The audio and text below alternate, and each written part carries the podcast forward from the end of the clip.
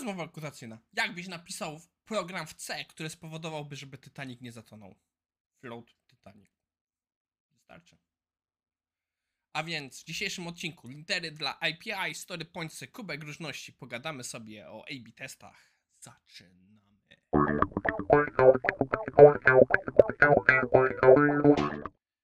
Dzisiaj pijemy Ice Tea. Przyznam się szczerze, nie wiem co tutaj zrobiłem. Serio, nie pamiętam. Pamiętam, że robiłem purę, ale purę już wypiłem i to jest druga, którą robiłem. Zobaczmy co to jest.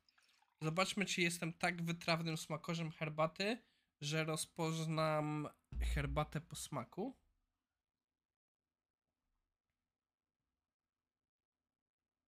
Jaśminowa?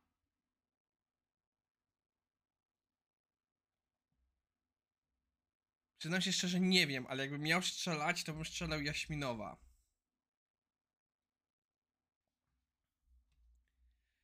Napiszcie w komentarzach, co to była za herbata. Czy potraficie po kolorze i wyglądzie liści powiedzieć, co to za herbata? Jeśli tak, to dajcie znać. Nie będzie nagrody, bo nie wiem, jak sprawdzić, kto miał rację. A w dzisiejszym odcinku zaczniemy sobie od bardziej takiego. O, przepraszam. e, trochę case studysa, a mianowicie e, firma Nord Nordics prezentuje narzędzie, które nie do końca zrozumiałem, ale wydaje mi się, że to nie jest ich narzędzie, tylko po prostu mają case study, że używali, e, który nazywa się Spectral. Jest to narzędzie, które ma służyć jako linter do API. Czym ogólnie jest linter? Autor w artykule wyjaśnia, ale dla mnie najprostszym sposobem wyjaśnienia to jest narzędzie, które dba o jakość i czystość kodu. E, Lintery potrafią poprawić i błędy składniowe, w sensie składniowe, w sensie nadużyciem niewłaściwych znaków, popraw- wskaże, czy mamy złe wcięcia. Bardziej zaawansowane potrafią przeprowadzić pełną analizę kodu i powiedzieć, że stosujemy rozwiązania, którego nie powinniśmy stosować. Ja bardzo polecam instalację lintera i odpowiedniego dla, odpowiedniego dla waszego języka programowania, zwłaszcza osobom początkującym. Sensie inaczej, wszystkim polecam, ale jeśli uczycie się pisać kod, linter i słuchanie jego odpowiedzi bardzo wam pomoże. Na pewno wpuści was parę razy na miny, bo jednak jak ze wszystkimi automatycznymi narzędziami trzeba mieć swój rozum i wiedzę, kiedy nie, go nie posłuchać, ale dużo się nauczycie go używając, więc ja zachęcam. I autor tutaj wchodzi właśnie w dyskusję na temat Spectral. Spectral e, to jest narzędzie, które jest e, linterem dla API. No i przyznam się szczerze, zdziwiłem się, że jest coś takiego, co właśnie my jako linter dla. E, e, czy to jest. Nie jest, bo mi się zdaje, że Rubocop, a nie Robocop. E, nieważne. E, w każdym razie, podobnie jak właśnie linter, on działa na. On ma się przyglądać w ogóle definicją API. Ciekawe rozwiązanie. Autor tutaj przechodzi nas, jak to się instaluje, jak to się konfiguruje i pokazuje nam e, przykład właśnie tego użycia. Jak wygląda właśnie taka konfiguracja. Tutaj on używa już gotowej konfiguracji, którą sugeruję, żeby przekleić.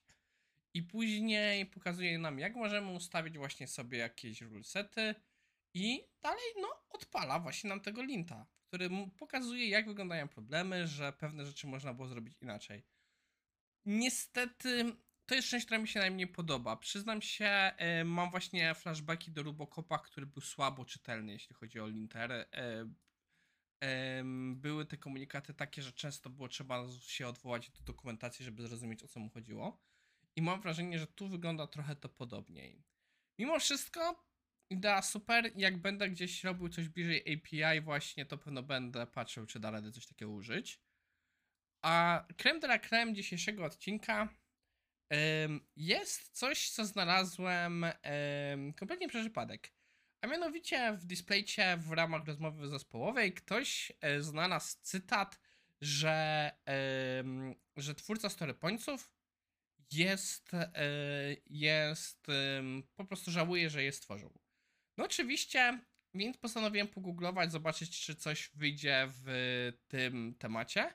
I znalazłem blog Rona Jefferisa, wybaczcie, jeśli źle wymawiam, poświęcono temu, tego tematowi. Co mi się bardzo podoba, jego rodzaje, jego tagi dla postów. Dark Agile, Dark Scrum. Y, I dyskusja jest właśnie na temat y, tutaj story pointów. To, co autor zaczyna w ogóle, coś o czym ja ciągle zapominam, to nie jest coś, czego nie wiedziałem, ale nigdy o tym nie pamiętam, to że idea user stories nie jest skramowa. Że tak naprawdę Scrum nie ma, y, nie ma y, user stories. Tam to się jakoś inaczej nazywało. Teraz nie pamiętam. Przed chwilą to widziałem na ekranie, ale nie zarejestrowałem. I storiesy pochodzą właśnie z Extreme Programming. Extreme Programming to jest jedno chyba z najstarszych podejść agile'owych. Najstarsze mi znane. Kojarzę, że coś było jeszcze Spartan Programming, ale mi się zawsze wydawało, że Spartan Programming to jest jakiś pod, podzespół e, Extreme Programmingu. Nie powiem wam, jak działa Extreme Programming. Nie pamiętam. Dawno temu czytałem. Nie miałem okazji nigdy widzieć go na żywo, więc się nie wypowiem. I tutaj właśnie mówi, że oryginalnie skąd to się wzięło, że jak robili Extreme Programming, to że mieli coś, co się nazywa Ideal Days, idealne dni, czyli co się da zrobić w ciągu jednego takiego dnia, że gdzieś się uda im popracować. I z ich założenia było coś takiego, że doszli do wniosku, że przez spotkania i inne rzeczy, to tak naprawdę trzy normalne dni to był taki jeden idealny dzień. Tak wiem, skomplikowane wyliczenia, że tak naprawdę doszli do tego, że tyle, ile powinno się zrobić w idealnym dniu, to się da radę, e, to tak naprawdę robi się przez 3 dni. I to powodowało i dla nich pewnych problemy w tych wszystkich rzeczach i dlatego doszedł do zaproponował idei punktów, które właśnie jakoś w ten sposób wyewoluowały. Chwileczkę. Powiem wam, jestem bardzo zadowolony z moich zakupów pod herbatę ostatnio. Dalej autor wchodzi w dyskusję, że trochę ma problem z tym, że story pointy są bardzo źle zrozumiane. I że po pierwsze, bardzo, bardzo żałuję to, jak one są nadu, nadużywane, źle wykorzystywane. I że bardzo się nie zgadza z tym, że są używane jako do wyliczenia, y, ile powinno być zrobione że to bardzo stoi wbrew temu, co on stworzył i że w ogóle mierzenie tych wszystkich estymat jest jego zdaniem bardzo no, szkodliwe i tracenie zasobów. Tak samo mierzenie tych tego wszystkich y, pomiar z tego związanymi Y, Dalej autor wchodzi w trochę w dyskusję, skąd w ogóle to wszystko się wzięło. I co mi się bardzo spodobało jest, jak w ramach punktu mierzenia porusza temat, że w prawdziwym em, Agile'u. Nie będę wchodził w definicję, co to jest prawdziwy Agile, musiałbym poczytać więcej jego blogów, co on przez to rozumie. Ale no, em, ja jestem też z tego zdania, że Scrum to niekoniecznie Agile. Czym jestem starszy, tym bardziej się przekonuję w, tym, w tą stronę. Em, że w prawdziwym Agile'u najważniejsze jest wybranie rzeczy, które robimy i wybranie ich szybko. I żeby to były ważne rzeczy. I jest tutaj wiele jakichś rzeczy, które można się tym kierować. I że to, co jego zdaniem bardzo pomagało, jest właśnie story slicing, o czym porozmawiamy sobie trochę dalej, że po prostu tniemy rzeczy na jak najmniejsze, które przynoszą jak najwięcej wartości. I, I tutaj właśnie autor podnosi jeszcze to, to zdanie. So if the existence of an estimate causes management to take their eye off the ball of value and instead focus on improving estimates, it takes attention from the central purpose, which is to deliver real value quickly. Autor tutaj bardzo dużo powiedział w tym zdaniu, a mianowicie e, powiedział, że to powtórzę po polską. Jeśli em, estymacje powodują, że management zabiera swoje oczy z patrzenia na wartość i przenosi e, swoją koncentrację na usprawnianie nie estymat, to tak naprawdę zabiera swoją uwagę z najważniejszej rzeczy, czyli dostarczenia wartości szybko. Deliver value quickly to jest powiedzmy sens agile'a. To jest sedno tego wszystkiego. Ja się zgadzam. E, Autor to właśnie powiedział, że patrzenie na estymaty i ciągłych prób udoskonalenia, no powinniśmy patrzeć, bo nie możemy za bardzo, wiesz, nie możemy też spadać ciągle, że dostarczamy coraz mniej, coraz mniej. Ale tutaj właśnie przenoszenie tego, że naprawiamy to przez estymaty, niekoniecznie jest założone. Autor ma jeszcze wiele takich różnych ciekawych przemyśleń, co ja jedynie co czego jeszcze zostanę tutaj, to chciałbym powiedzieć story slicing. Wszyscy się spotkaliśmy, że mamy nasze estymacje i w teorii, jeśli przyjdzie coś tam większego, w zależności od zespołu 8-13 punktów, to znaczy, że trzeba ciąć historię na mniejsze elementy. Autor dochodzi do tego, żeby e, ciąć te rzeczy na takie, które mają wręcz em, po prostu da się zrobić w parę godzin. Em, ja bardzo pamiętam Vasco Durante, jeśli dobrze pamiętam gościu. Miał książkę No Estimates. I on tam cisnął to, że tak naprawdę nie powinniśmy estymować i że robota powinna być zawsze taka, że da się zrobić w jeden dzień. Super by było, em, ale to jest kierunek, który moim zdaniem powinniśmy iść. Dobra, gadam już długo o tym artykule. Jest jeszcze trochę rzeczy, żebyście mogli sobie sami doczytać, ale chyba najważniejsze punkty poruszyłem. Na zakończenie IT-sówka. Tak jak mówiłem, czekam na wasz dalszy feedback na temat obecnej formy. Ja trochę myślę, co z tym można zrobić, bo idea mi się podoba. Jak w pierwszym momencie to Miro mi bardzo leżało, chyba to nie działa dla was dobrze. W sensie, mm, dajcie znać, bo dalej czekam na waszą opinię. Dziś przyjrzymy się tematowi AB testów. A mianowicie, czym ogólnie są AB testy?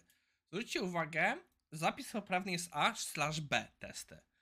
I na czym to polega? Polega na to, że jak wejdziemy sobie na produkcję, to użytk- jedni użytkownicy zobaczą jedną rzecz, inni zobaczą inną rzecz.